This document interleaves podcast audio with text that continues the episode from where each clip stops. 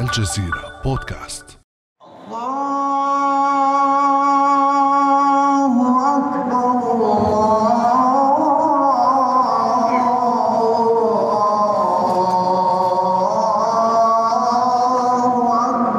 الله أكبر مرحبا بذكر الله. من كل حدب وصوب يزحف عشرات آلاف المصلين الفلسطينيين نحو المسجد الأقصى المبارك. في محاولة لإفشال مخطط تعد له جماعات المستوطنين يسمى ذبح القرابين داخل المسجد الأقصى في عيد الفصح اليهودي. يقول أحد المرابطين الفلسطينيين في المسجد الأقصى في الأسابيع الماضية كانوا جماعات المستوطنين بدعوا المستوطنين بأنه يقتحموا الأقصى ويذبحوا قربانهم بمناسبة عيد الفصح تبعهم. وحطوا مكافآت وجوائز لمين بيقدر يدخل ويذبح قربان أو بيقدر ينثر الد- الدم تبع القربان في باحات الأقصى وخصوصا في في سطوح ال- سطوح الأقصى. لكن ما أن انتهت صلاة الفجر حتى تحولت ساحات المسجد الأقصى إلى ساحة حرب. تصف الصحفية المقدسية رناد الشرباتي الوضع كما شاهدته قائلة ما انتهت صلاة الفجر حتى قامت قوات الاحتلال باقتحام المسجد الأقصى من باب المغاربة وباب السلسلة وبدأوا بإطلاق القنابل الصوتية والرصاص المطاطي اتجاه جميع المتواجدين. ونحن نتحدث عن مصلين آه، يعني آه، قد منهم من قطع المسافات الطويلة جاء من الداخل الفلسطيني ليصل إلى مدينة القدس والمسجد الأقصى المبارك. منهم أيضا من آه، جاءوا من الضفة الغربية. فما قصة ذبح القرابين في المسجد الأقصى المبارك؟ ولماذا تراجع الاحتلال الإسرائيلي ومستوطنوه بهذه السرعة عن إقامة احتفالاتهم هناك؟ وهل تريد جماعات الهيكل الاستيطاني فعلا هدم المسجد الأقصى المبارك؟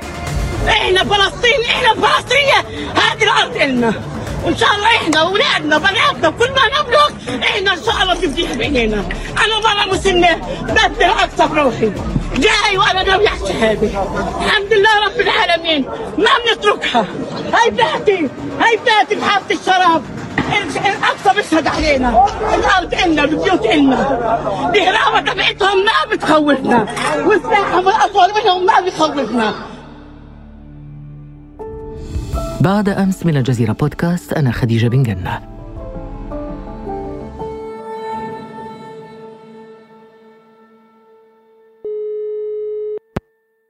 يسعدني أن أستضيف معي في هذه الحلقة الدكتور عبد الله معروف مسؤول الإعلام والعلاقات العامة السابق في المسجد الأقصى المبارك أستاذ دراسات بيت المقدس.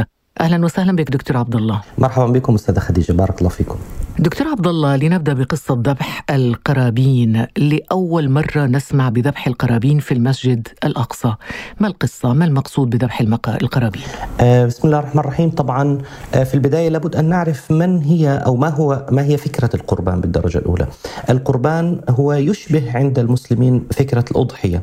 هو عبارة عن جدي يذبح آه حسب الرؤية اليهودية يذبح تقربا إلى الله وينثر دمه على المكان المقدس. اللي هو عند آه هذه الجماعات يعتبر الصخرة المشرفة في المسجد الأقصى المبارك ويحرق بعد ذلك تقدمة لله عز وجل. لذلك يسمى قربان أو قرابين. آه وهذه الفكرة الأساسية مرتبطة عند آه اليهود عموما بطقس أساسي متعلق بعيد الفصح. وعيد الفصح اللي هو هذه الأيام طبعا يمر. يمثل عند اليهود ذكرى خروج بني إسرائيل من مصر وإنقاذهم من فرعون. ولذلك يحتفل اليهود بهذا العيد بالاحتفاء والشكر لله على نجاة بني إسرائيل من خلال ذبح القرابين اللي هي الجديان أو الماعز وحرقها ورش دمها على منطقة الصخرة. كما ترى الجماعات المتطرفة الموجودة في المسجد الأقصى المبارك وفي مدينة القدس. طبعا يجدر الذكر هنا أنه هذه الطقوس لا تتعلق بيوم واحد. طقوس عيد الفصح اليهودي تمتد من الثالث عشر من رمضان وتستمر حتى الجمعة الحادي والعشرين من رمضان وهي أيام عيد الفصح العبري الثمانية. صحيح. يعني هو في خلال حتى هذه الأيام يعني هم لا يأكلون أي خبز فيه خميرة. يعني هم يأكلون ما يسمى بالفطير. طيب من هم جماعات الهيكل المزعوم التي أعلنت أنها تنوي ذبح قربان عيد الفصح العبري؟ تمام هذا سؤال ممتاز جدا. كثير من الناس يسمع اسم جماعات المعبد أو جماعات الهيكل ولا يعرف من هي بالدرجة الأولى. جماعات المعبد هي مجموعة من أقصى اليمين الصهيوني المتطرف في دولة الاحتلال. هذا اليمين هو يمين ليس فقط صهيونيا بالمعنى السياسي وإنما يمين ديني صهيوني. هم يؤمنون بالدرجة الأولى بأن مهمتهم في هذه الدنيا هي إعادة بناء المعبد أو الهيكل الثالث بعد أكثر من ألفي سنة على هدم المبنى المعبد الثاني أو الهيكل الثاني حسب رؤيتهم في الفترة الرومانية في سنة 135 للميلاد. وبالتالي هم يقولون إنهم جاءوا الآن بمهمة إلهية هي آه، تنفيذ آه، إرادة الرب فعليا ببناء البيت اللي هو الهيكل في أرض المسجد الأقصى المبارك سعيا طبعا لإبراز آه، فكرة نزول المسيح لأنهم يعتقدون أن المسيح لم ينزل هم لا يعترفون أصلا بسيدنا عيسى عليه الصلاة والسلام. يقولون أن المسيح سينزل عندما يقومون هم ببناء الهيكل في أرض المسجد الأقصى المبارك. هذه الجماعات نظمت نفسها كانت قديما تعتبر يعني جماعات متفرقة منها جماعة أمناء جبل الهيكل وجماعات مختلفة وكلها تتبع آه، تيار محدد في أقصى اليمين المتطرف اسمه تيار حركة كاخ الذي أسسه آه، الحاخام المتطرف مئير كهانة والذي آه، قتل في نيويورك على فكرة في التسعينيات. وهذا الحاخام يعني أسس حركة كاخ وكاخ كلمة تعني هكذا. وشعارهم فعليا يعني هو السيف والبندقية. ويعني أننا سنأخذ هذه الأرض وسنقيم هذه الطقوس بالكامل هكذا بالقوة. هذا معنى كلمة كاخ. طبعا هذه الجماعات هي أقصى اليمين المتطرف. كانت قديما مفرقة ثم نظمت نفسها في الفترة الأخيرة في سنوات ما بعد سنة 2005 بدأت تنظم نفسها في اتحاد سمته اتحاد منظمات المعبد. هناك طبعا هذا الاتحاد يشمل مجموعة من المنظمات الدينية المتطرفة مثل منظمة طلاب لأجل الهيكل منظمة نساء لأجل الهيكل منظمة بأيدينا أو جبل الهيكل بأيدينا وعدة منظمات أخرى. وهناك طبعا واحدة من أقساها وأشدها آه، فعليا هي منظمة العودة إلى جبل المعبد. وهذه التي ربما سمعتم بالأخبار قبل أيام عندما أعلنت عن جائزة لمن يتمكن من المتطرفين من ذبح القرابين داخل المسجد الأقصى المبارك بأنها ستعطيه جائزة تصل إلى عشرة ألاف شيكل يعني حوالي ثلاثة ألاف دولار تقريبا. فهذه الجماعات نظمت نفسها فيما يسمى باتحاد منظمات المعبد أو اتحاد منظمات الهيكل وهو الذي يمثل الجماعات المتطرفة التي تحاول يوميا اقتحام المسجد الأقصى المبارك وأداء الطقوس كاملة فيه مش فقط مجرد زيارة ولا غيره لا أداء الطقوس كاملة نفخ البوق مثلا آه، في عيد رأس السنة العبري كما حاولت أن تفعل في شهر تسعة الماضي. وأداء كافة الطقوس وصولا إلى أعلى طقس من هذه الطقوس وهو ذبح القرابين أي ذبح الجدي أو الماعز وإحراقه ورش دمه داخل المسجد الأقصى المبارك وإحراقه تقدمة لله عز وجل في مقدمة لبناء الهيكل الذي تراه حسب رؤيتها الدينية. يعني ينبغي الإشارة هنا إلى أن هذه الرواية التي تقدمها آه، هذه الجماعات الدينية لا يوجد عليها أي دليل فعلي لا يوجد آثار فعليا يعني تقدمها. بالمقابل السردية الإسلامية لهذه القدس لقدسية هذا المكان كلها عندنا موجودة وعلى الأرض والسردية العربية والإسلامية واضحة. يكفيك أن تحفر يعني 10 سنتيمتر في الأرض لتجد آثارنا وتجد طبيعتنا فعليا وتجد طبيعة هذه الأرض تنطق فعليا بأن هذه الأرض أرض عربية وأرض للمسلمين والمسيحيين الذين عاشوا فيها طوال هذا التاريخ. بعكس الرواية التي يحاول تحاول جماعات المتطرفة تقديمها والتي لا تستند أصلا إلى دليل بأي شكل من الأشكال.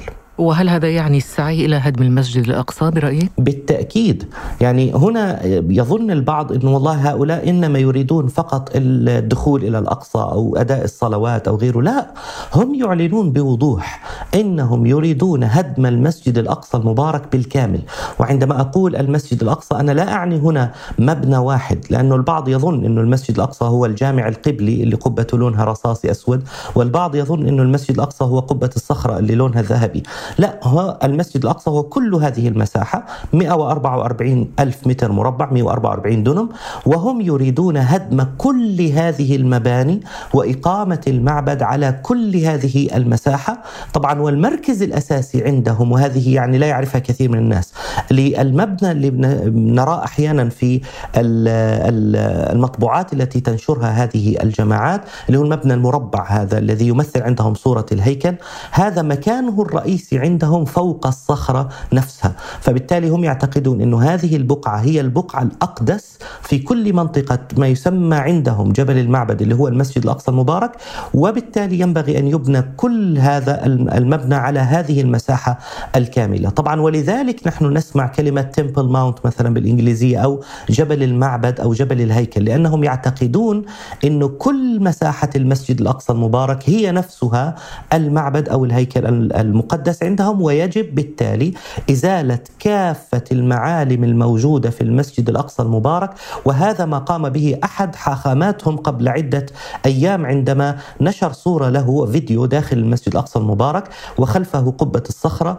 وصار ينادي يقول نحتاج إلى مهندس يخبرنا كيف يمكن أن نزيل هذا المبنى ونعيد بناء بيت الرب في هذا الموقع. سعيا في النهاية للسيطرة على كل مساحة المسجد الأقصى المبارك وإخراج المسلمين منه نهائيا. وهذا هو الهدف المعلن وليس هدفا سريا لهذه الجماعات ومخطئ من يظن أنها لا تريد ذلك. طيب الاحتلال اعتبر ما قام به أحد الحاخامات كما ذكرت عملا فرديا ومعزولا. هل تعتقد أن مثل هذه المحاولات هي بالفعل أعمال فردية ومعزولة ولا تعبر عن سياسة ممنهجة للاحتلال؟ هناك طبعا مجموعة من المتطرفين تسيطر على آه، دولة الاحتلال منذ زمن طويل. طبعا المقولة مشهورة لديفيد بن غوريون لا معنى لإسرائيل دون آه، القدس ولا معنى للقدس بدون الهيكل. هذه مقولة مشهورة. وفعليا سواء صدقت هذه المقولة أو لم تصدق لكنها فعليا يؤمن بها هؤلاء المتطرفون جميعا. آه، فيما يتعلق بأجهزة الدولة. الآن في أيام حكومة بنيامين نتنياهو قام وزير الأمن الداخلي في ذلك الوقت جلعاد أردان بإدخال جماعات المعبد المتطرفة وأفراد جماعات المعبد المتطرفة إلى داخل جهاز وسلك الشرطة الإسرائيلي وخاصة في مدينة القدس وبالذات في داخل المسجد الأقصى المبارك. لذلك فنحن اليوم لا نتحدث عن عمليات معزولة أو عن شخصيات معزولة لا. هذه الم... هذه الجماع... الجماعات لديها أعضاء في الكنيست. يعني الشخص المشهور هذا المليان ويرتدي النظارات اللي هو إيتمار بن كفير هذا الشخص مثلا متطرف ومعروف جدا بمواقفه المتطرفة. آه، هو زعيم أحد الأحزاب زعيم مجموعة تسمى الصهيونية الدينية وحزب القوة اليهودية وهذا الشخص يعتبر آه، هو عضو في الكنيست وهو مرشح فعليا في حال وجود أي حكومة يمينية أن يصبح وزيرا. هذه الجماعات لديها حتى الآن حوالي 15 مقعدا في الكنيست الإسرائيلي. الكنيست طبعا اللي هو البرلمان آه، مجلس النواب الإسرائيلي. فمن بين 120 عضو هي تمتلك أكثر من عشر الأعضاء.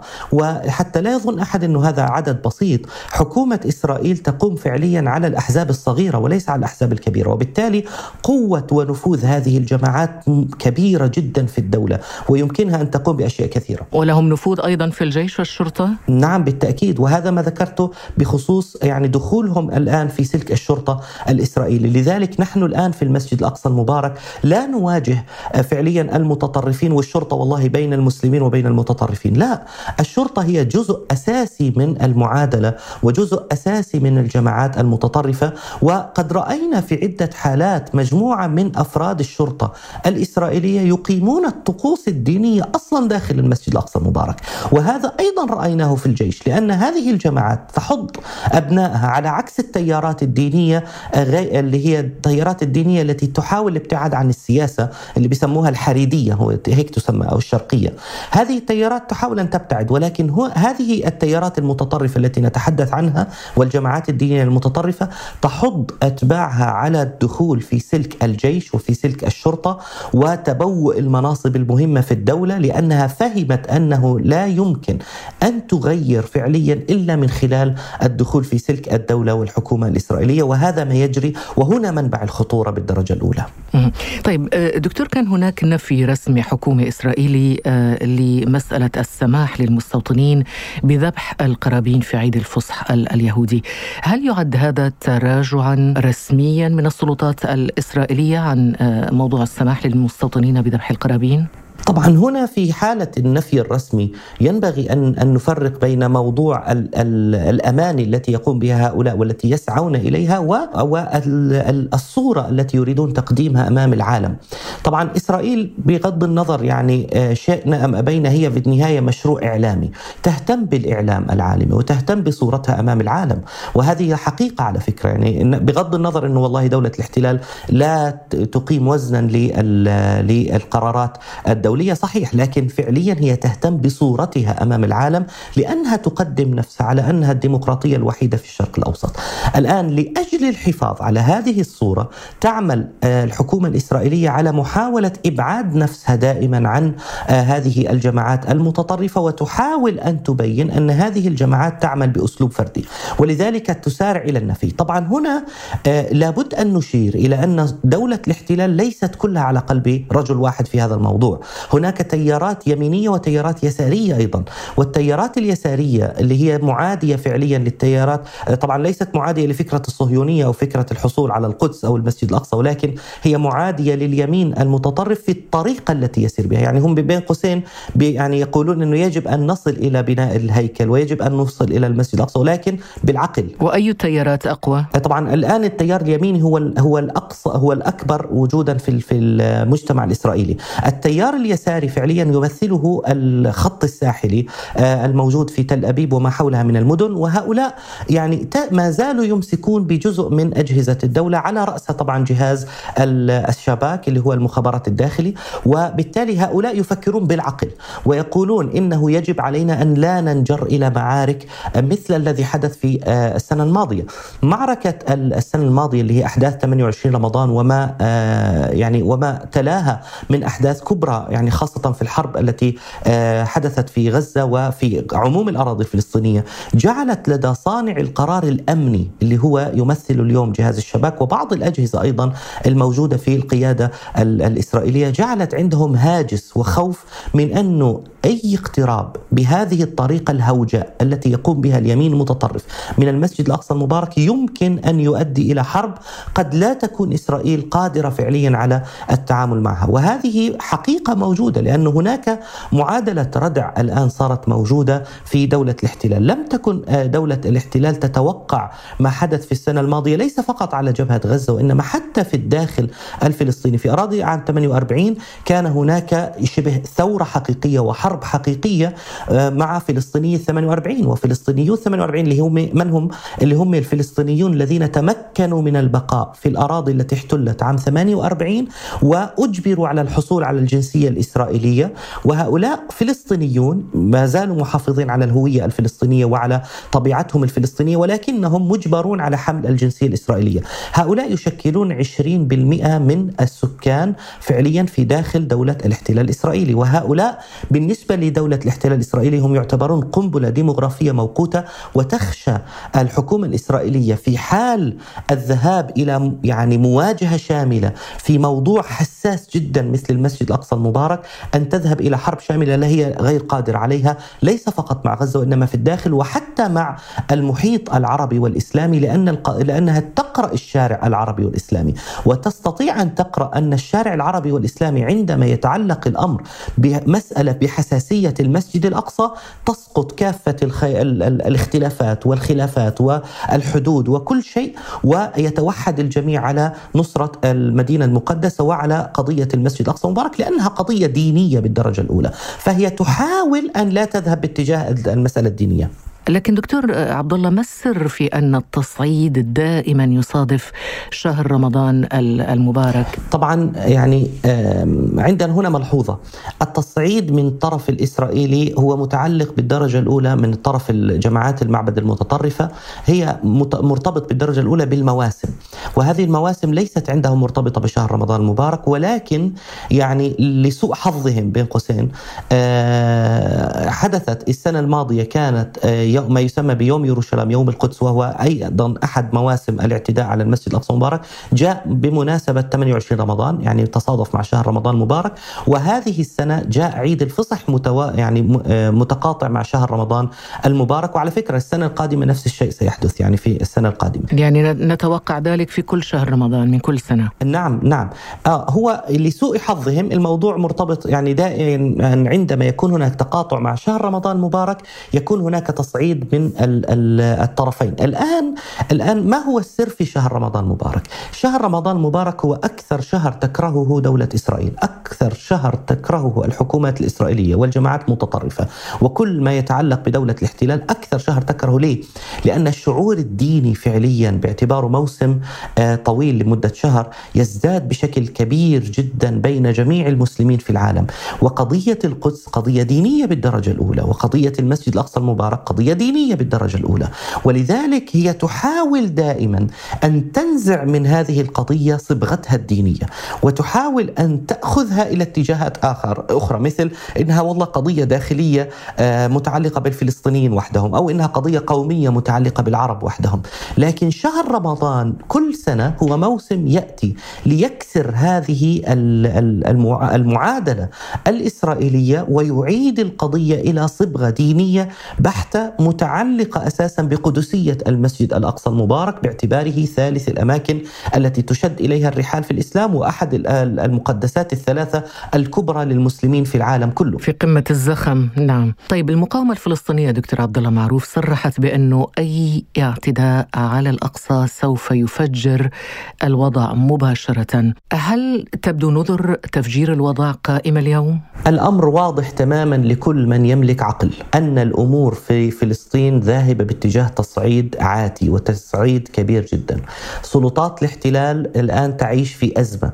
دولة الاحتلال تعيش في أزمة قيادة، هذه الأزمة يعني عنوانها حكومة غير مستقرة، وهذه الحكومة غير مستقرة تعتبر نفسها أنها تمثل التطلعات اليمينية وفي نفس الوقت اليمين نفسه يعني المتطرف يعتبر نفسه إنه معارض لها بسبب وجود اليسار، هذه الفوضى التي تجري في دولة الاحتلال الإسرائيلي تعتبر فعليا يعني فرصة للتصعيد الكبير والحصول على مكاسب حقيقية في الأراضي الفلسطينية وخاصة في مدينة مثل مدينة القدس. أنا لا أستغرب فعليا أن تذهب الأمور إلى تصعيد أكبر بكثير مما شاهدناه في السنة الماضية والسبب الأساسي ليس الجانب الفلسطيني السبب الأساسي هو التطرف الذي يعني آه، والغرور الذي تتميز به هذه الجماعات اليمينية المتطرفة التي تمسك الآن بزمام الحكم في دولة الاحتلال الإسرائيلي وبمقاليد السلطة وإن لم يكن ذلك بشكل مباشر في دولة الاحتلال الإسرائيلي. هي تحاول أن تذهب بالأمر إلى إلى حرب حقيقية لأنها تظن أن الحل الوحيد وأن الطريقة الوحيدة للحصول على مكاسبها هو الصدام العسكري مع الفلسطينيين والصدام الديني بالدرجة الأولى لأنها تعتقد عندها طبعا إيمان معين متعلق متعلق بأنه الله سينقذهم في آخر لحظة ولن يسمح لي آه، بخراب هذه الدولة أو الذهاب إلى آه، إلى أي أذى لشعب إسرائيل حسب رؤيتهم الدينية بالدرجة الأولى. فبالتالي نعم الأمور مرشحة للتصعيد كبير جدا في الأيام القادمة. الدكتور عبد الله معروف أستاذ دراسات بيت المقدس ومسؤول الإعلام والعلاقات العامة السابق بالمسجد الأقصى. شكرا جزيلا لك. شكرا جزيلا لكم أستاذ خديجة. بارك الله فيكم.